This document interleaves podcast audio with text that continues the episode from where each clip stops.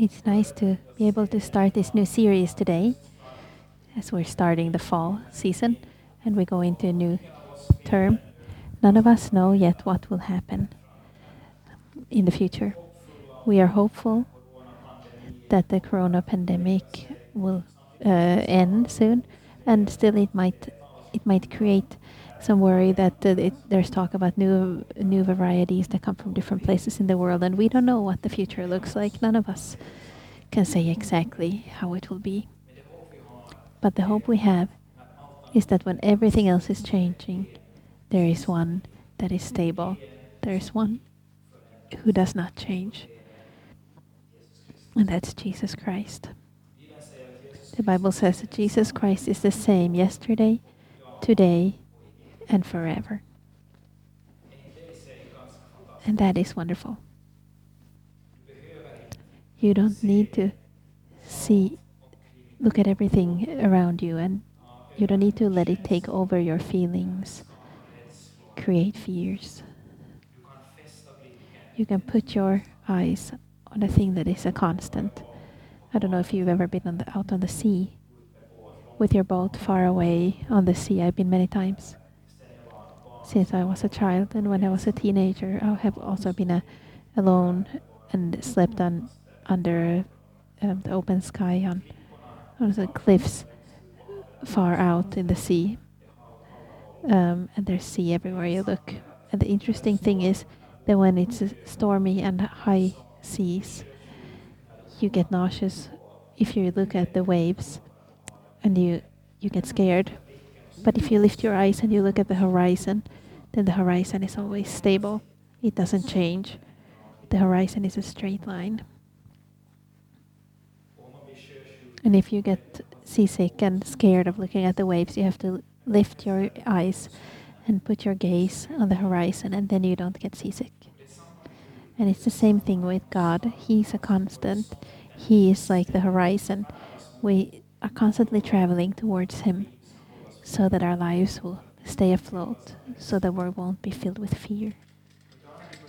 And today, as we start talking about transforming lives and community through God's love, to see lives and the community around us being changed. We're talking about this God who is a constant, who doesn't change from time to time.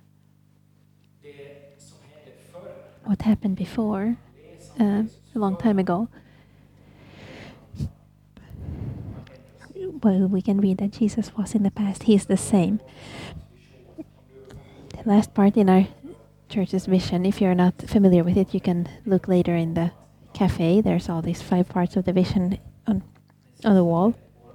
And the last part of our vision expresses our faith in a God who wants to and is able to change and transform every person's life. That's our belief that there is not a person or a circumstance in this life that God cannot change. He's a constant. He's the same yesterday, today, and forever. What he did yesterday, he will do today. And he cannot change only our lives, but he can also change other people's lives and the whole society. The whole Bible is a book about change. How very normal and fragile people got to meet a wonderfully loving and powerful and holy God, and how they were changed. Page up and page down you can read about people and their destinies and how their lives were changed. Whole societies and peoples were changed when they put their faith in God and let Him work. There was a time when John the Baptist was in prison, and even he started doubting uh, is, is Jesus Christ the Messiah? Is he the one who was about to um, to come, and he sent his disciples to Jesus to ask him. And then in Luke 7 21 and 22, it says like this when he gets there to ask. It says, At that very time, Jesus cured many who had diseases, sicknesses, and evil spirits, and gave sight to many who were blind. So he replied to the messengers, Go back and report to John what you have seen and heard. The blind receive sight, the lame walk, those who have leprosy are cured The deaf hear, the dead are raised, and the good news is preached to the poor.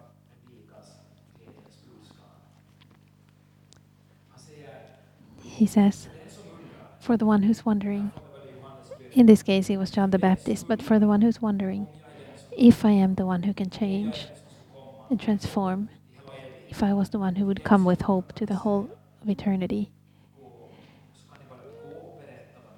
you can go and tell them what you can see and hear.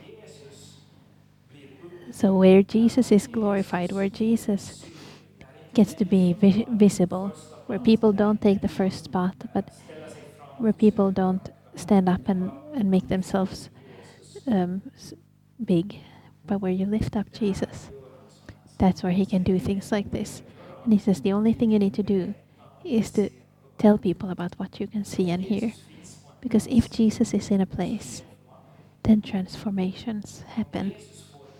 If Jesus um, gets space in somebody's lives, then transformation will happen. Jesus got got space in this place with John the Baptist, and he said that that all you have to do is tell him what you can see and what you can hear, because he, I am working, I am at work here.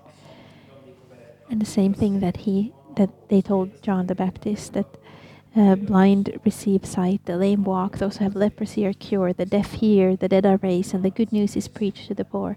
And we could add a lot of things that Jesus did. Sins are forgiven. The outcasts are raised up, and so on. You could add a lot of things.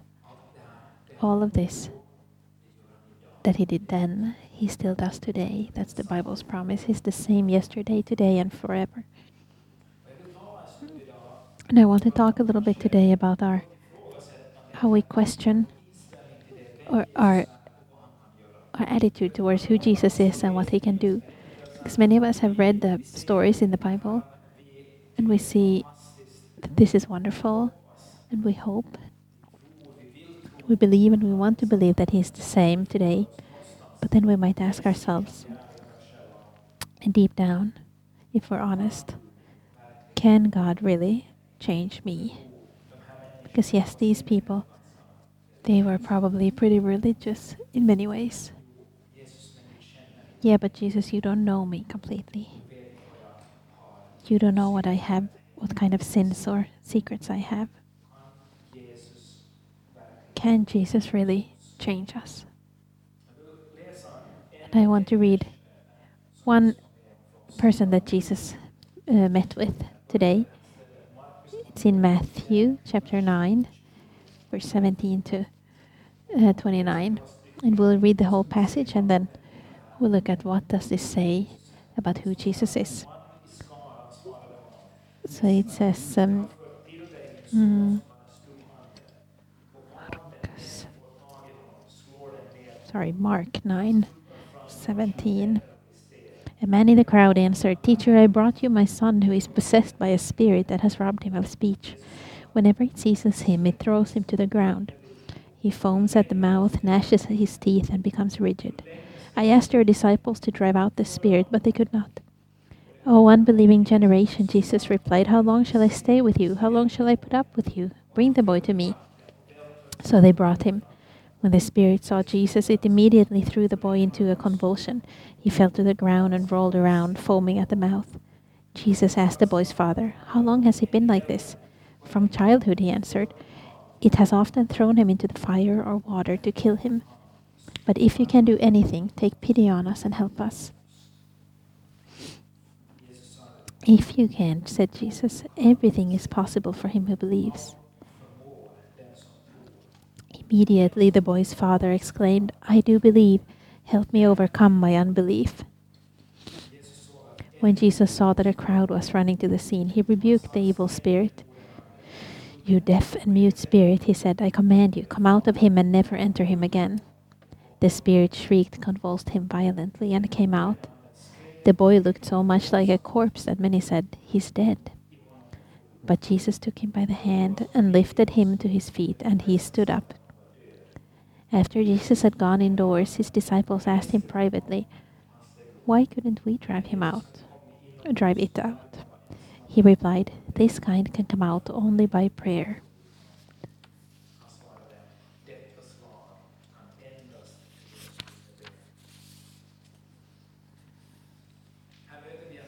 So here we meet a man who has been struggling with a problem for a big part of his life, a challenge. His son has been sick and possessed by a spirit. So this is not only just a sickness, but there was a spiritual disease in the background. There was a, an evil spirit who was tormenting his son. Jesus heart goes out to this man and his son, and he poses the question he wants to know. He's interested to know how long has this been going on? Ever since he was a child. He has been sick for the biggest part of his life. He's been tormented by this spirit for the most of his life. This man had probably tried a lot of things, like gone to the doctor with his son and asked for help from different places. And he had also asked Jesus' own disciples for help, but they couldn't manage to throw out this spirit and heal him. The disciples were helpless. They couldn't do it. And Jesus reacts to this. It may be surprising how Jesus reacts, and we might be a little bit like, "Oh, what? How? How does Jesus react? This is strange." He even says, "Oh, unbelieving generation, how long shall I stay with you? How long shall I put up with you?" But I think he reacts mostly at the disciples because uh, they had already been able to see him and follow him for so long. Maybe he was uh, expecting more from his own disciples. But what Jesus reacts against is not that the disciples didn't try or that they um, expressed that they needed help, but he says, I'll read this how it says. Oh, unbelieving generation. It says in Swedish, you generation who don't want to believe. It doesn't say that he doesn't have a little, little faith, or you believe wrong. It says generation who does not want to believe. And that's the first question that we can ask ourselves. Do we want to believe that Jesus is who he says he is? Not just ask ourselves, do I have faith or do I not have faith? But do I really want to believe? We have to decide once and for all do I believe that Jesus is who he says he is in the Word? We have to begin there. Do I want to believe? Jesus was not um, shocked at how great their faith, um, how small their faith was, but at, at their willingness of believing. And we can choose. We all have the possibility to choose. It's something God has put down into us, a possibility to choose. And no matter what our circumstances are, we can say, Do I want to believe? Then the next question is after this, when I have asked myself, Do I want to believe? Then it comes like this man's question. He says to Jesus, If you can, if you can do anything, take pity on us and help us. So after you have asked yourself, Do I want to believe in Jesus? If it was possible that this is true about Jesus, that He's the same yesterday and today and forever, do I want to believe that? Because you can choose wanting to believe that Jesus is who He says is. After that, we come to this man. We move the focus from the disciples who didn't manage to drive him out to this man. This man says,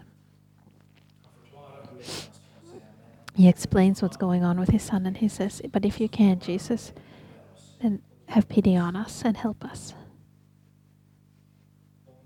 If you can. This man has come to Jesus. He wants to believe. He has already come there. But now his question is Can you, Jesus? The same question that we also ask ourselves Jesus, are you able to? In my situation, can you, if this and this is true about me, can you, if I have fallen into the same sin hundreds of times, are you able to help? Then take pity on me.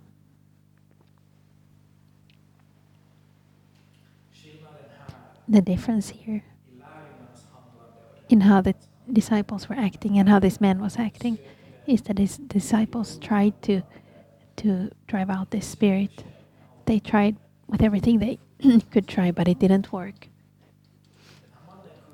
This man couldn't either, but he comes to Jesus with his honest,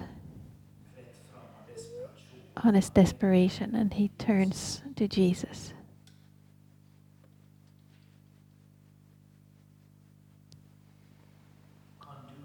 Can you, Jesus, do this? And in that case, please have pity on me, over us, and help us. Jesus answers, If you can, everything is possible for him who believes. The interesting thing here is that Jesus doesn't even comment his own ability. He doesn't say if he can or not can. He says that everything is possible for him who believes.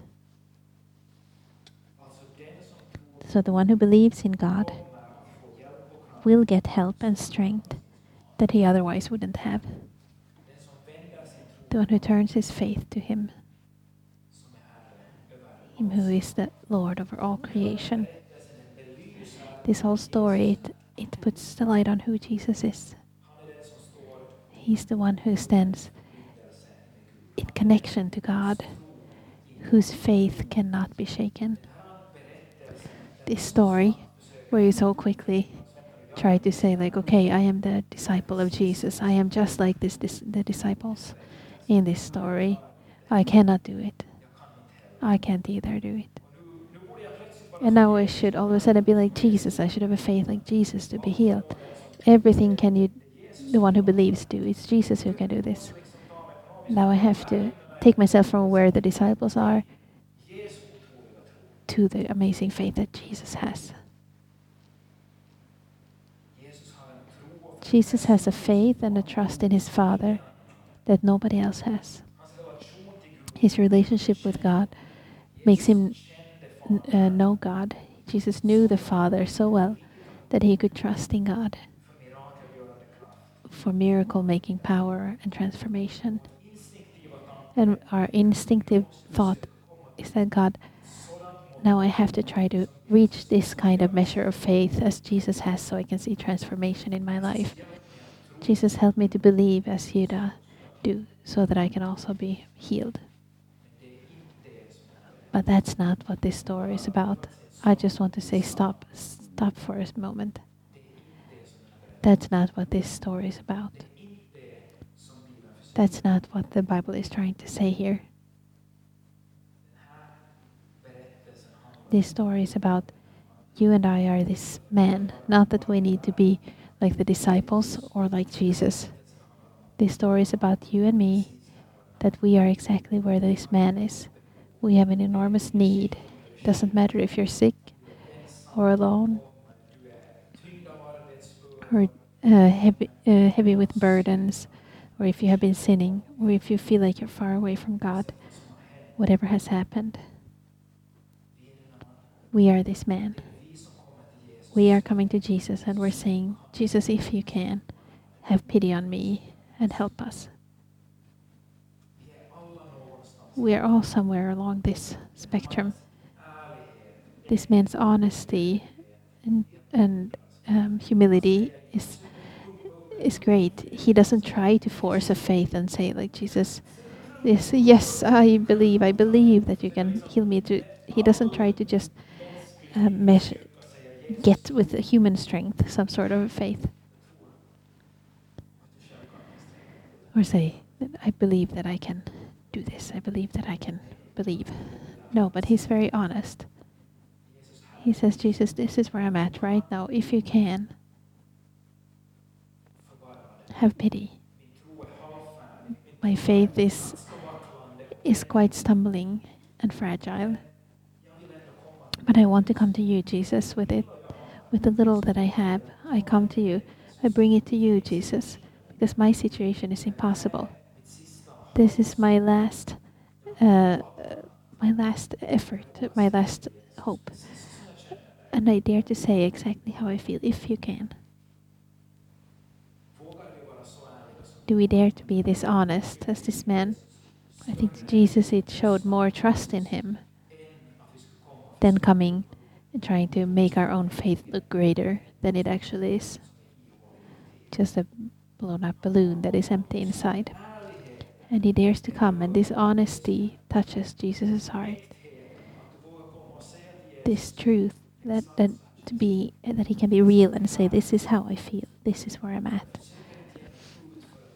I don't try to be to look like I'm better than I am right now. To have greater faith than I can right now.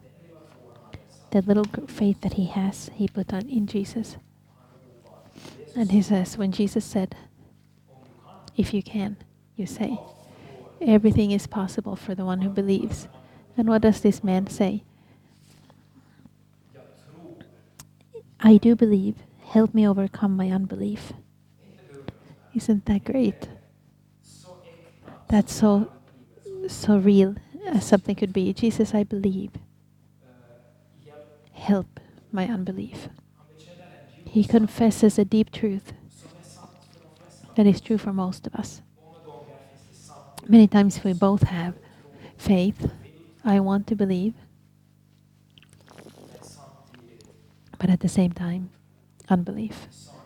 There are things that I can't dare to believe. But instead of letting this hinder him, he could have turned his back to Jesus when Jesus says every um, everything is possible for the one who believes. He could have been disappointed and turned his back on Jesus. Thought like, okay, there's nothing to this. But he doesn't. He says, instead of letting his his uh, half-ready faith take him away, he says, Jesus, I take this to you. I throw myself on you. I believe.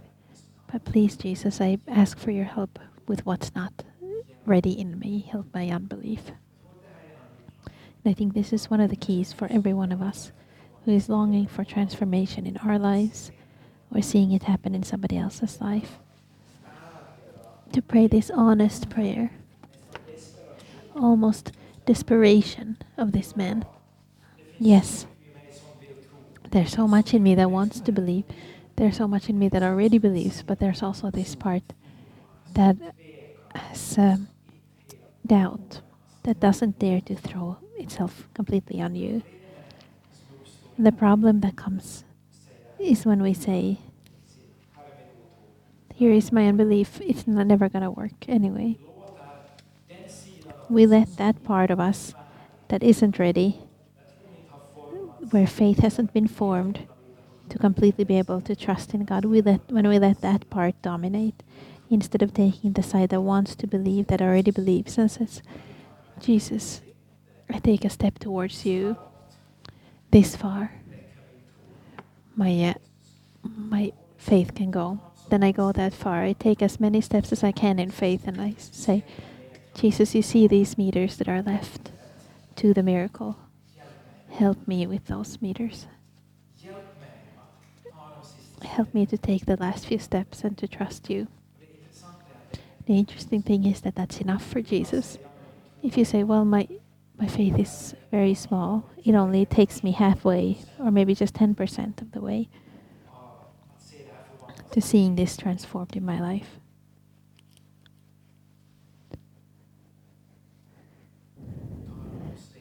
Then take those steps and then call to Jesus, Help me. This is how far I can believe, but help my unbelief.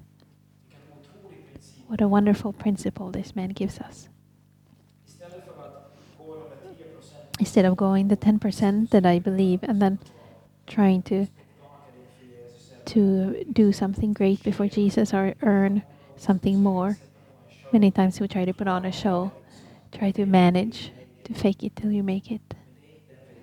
But it's not the way that Jesus wants to go. He says it's enough.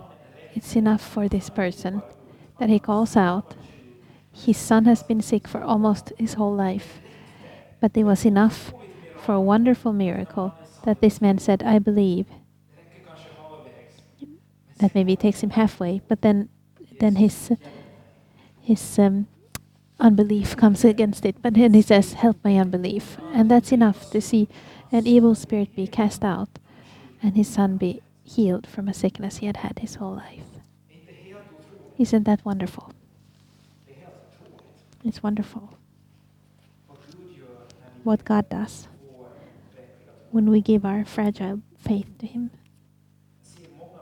I see lots of people in this world who are desperate, who try to come up with the one thing and the other thing to solve the problems in their lives. But unfortunately, I don't see so many people who are desperate to have a change in their lives and turning that desperation to Jesus. What could we see being changed in our lives and in other people's lives if we could allow ourselves to be desperate about a situation, like the people in the Bible who came to Jesus, to allow ourselves to be desperate and turn that desperation to Jesus. What this person does is that he prays. He tells Jesus very honestly a simple prayer Jesus, he has put out the, the problem. My son is sick. This is where I'm at. I believe. Help my unbelief. If you change, switch this to your own life, you have a mountain ahead of you, an impossible um, burden. Maybe you've been struggling with this for many years. You feel like this is impossible. What would happen if you every day, instead of thinking so much about how impossible it is, that the mountain is so great that your faith is not enough to move it? If you would come every day in prayer to Jesus and say, Jesus, I have this mountain. You see it, you know it as well as I do. I believe you can do this, but I have a lot of unbelief. I don't know how it will, I will do it, but I ask you, Jesus, help me. Start changing my situation.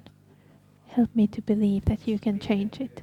If you would pray this prayer every day, do you think your faith could start um, being greater, to grow?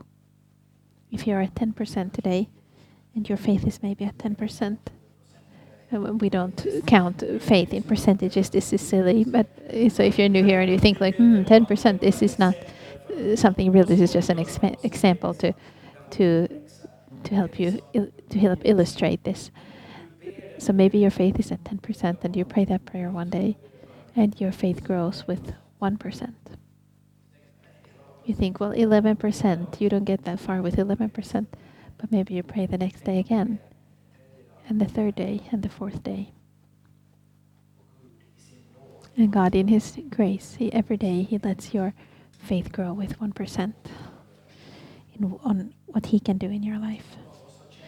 Many of us have been struggling with problems and challenges for maybe decades 10 years, 20 years.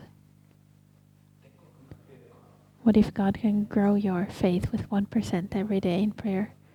That's only 90 days to 100%. I don't I'm not saying that that's how easy it's going to go. Maybe it'll take you maybe you will never get to 100%, but that's the point. That when you pray, God fills up the rest with his grace. What's lacking in your faith, he fills up with his grace. Your faith doesn't have to be perfect for God to act.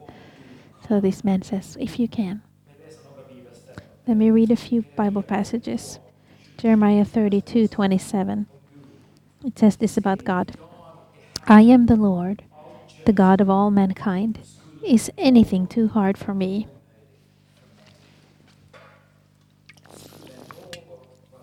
Would anything be too hard for me? Matteus evangeliet 19, 26, där han And in Matthew 19 26, he's been talking to a rich man and he's thinking, who could get uh, saved if it's this hard?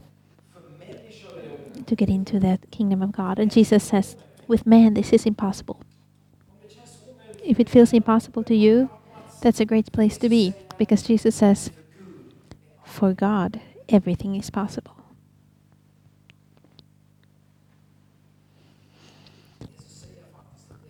Jesus says that a lot of things are impossible for men. And that's exactly why he's asking you to not fight in your own power and try to solve it and manage it. But he says, Come to me. for God, everything is possible. This story about the man with this boy who is sick and has an evil spirit, this is in other Gospels too. In this story, it ends with Jesus saying to his disciples, This kind of spirit can only uh, come out by prayer. Only by prayer.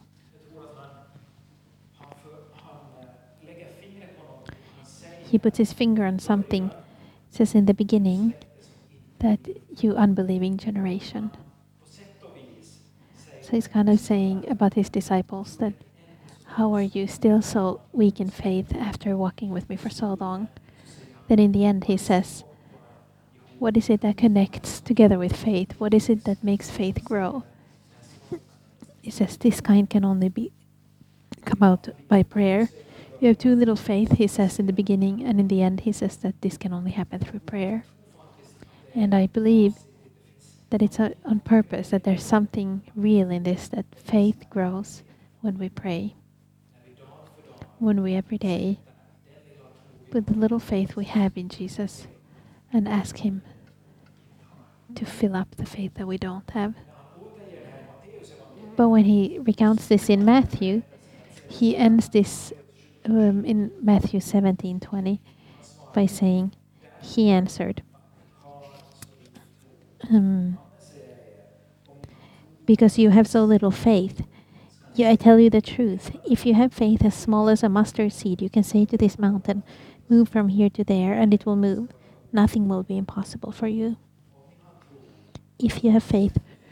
As small as a mustard seed, one of the smallest seeds, so small, he says really that a faith that is so small that you can't even see it from the outside, it can move mountains. And the reason why he says this is that that faith, what makes a difference is what where that faith is headed, like the direction of the faith. The man who comes, he has a very um, half um, faith; it's not full. Help my unbelief, he calls out. But his faith, the faith he has, was aimed at Jesus Christ, who is the same yesterday, today, and forever. His faith was a, was a mustard seed. And when he placed that faith on Jesus, he received the power to move mountains.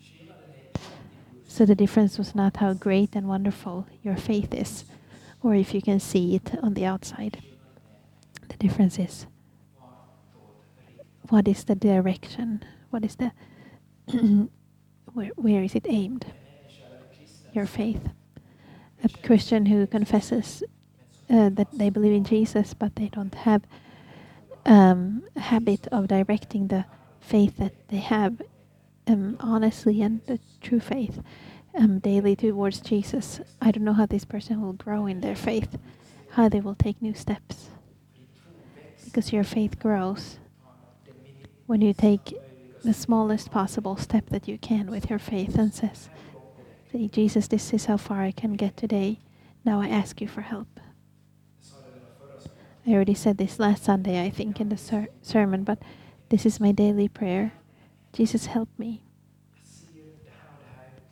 I see this and this in my life. This needs to be changed. I see these challenges in my work um, or in other people's lives or in my life. I can't do it, but I know that you can. So I just place my faith today in you, to you, and I do it tomorrow again, and do it on Tuesday again, and on Wednesday, because I know that the only chance I have as a person is that He lets my Bible, not my my faith grow. And it's not what I manage to do, what kind of magic tricks I can pull, or circus tricks or whatever. It's not what I can what I can accomplish in front of him, but it what it's what he does when I place my faith in him. Can God help? Yes, he can. But only if you honestly and truly dare to say to him, Yes, this is how I am today. Here I am today. I ask you to help my unbelief. I ask you to fill up me up with your grace and power in what in all the places where I'm not enough.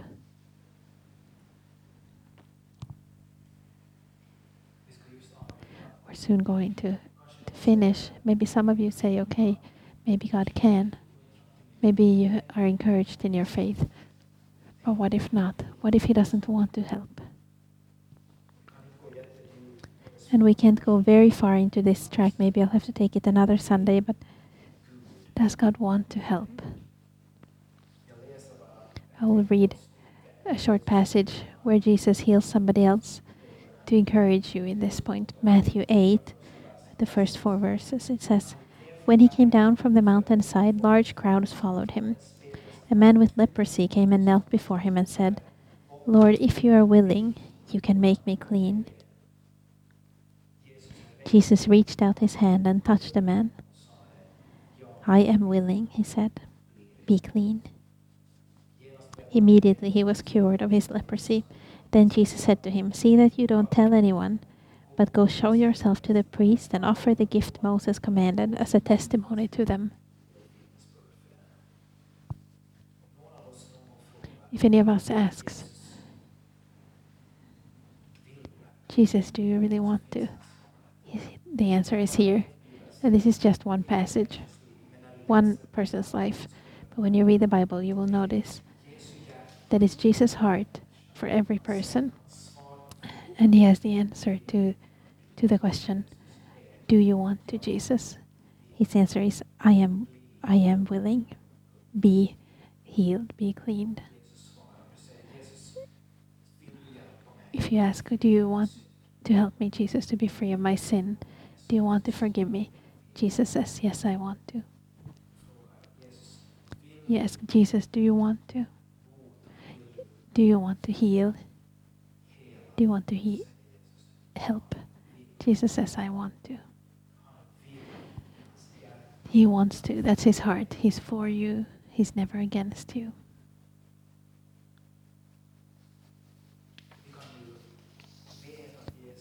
We can know that Jesus is enough. Where we come short, where we fall short, Jesus can work with His grace. He doesn't ask if you have a perfect faith. He asks, Do you want to turn your desperation to me instead of looking in this world or in self help guides or workout programs or this and that, which are good things? He asks, Do you want first and foremost to come to me with your faith? And let me be God. You can be a person, a human. I will be God in your life.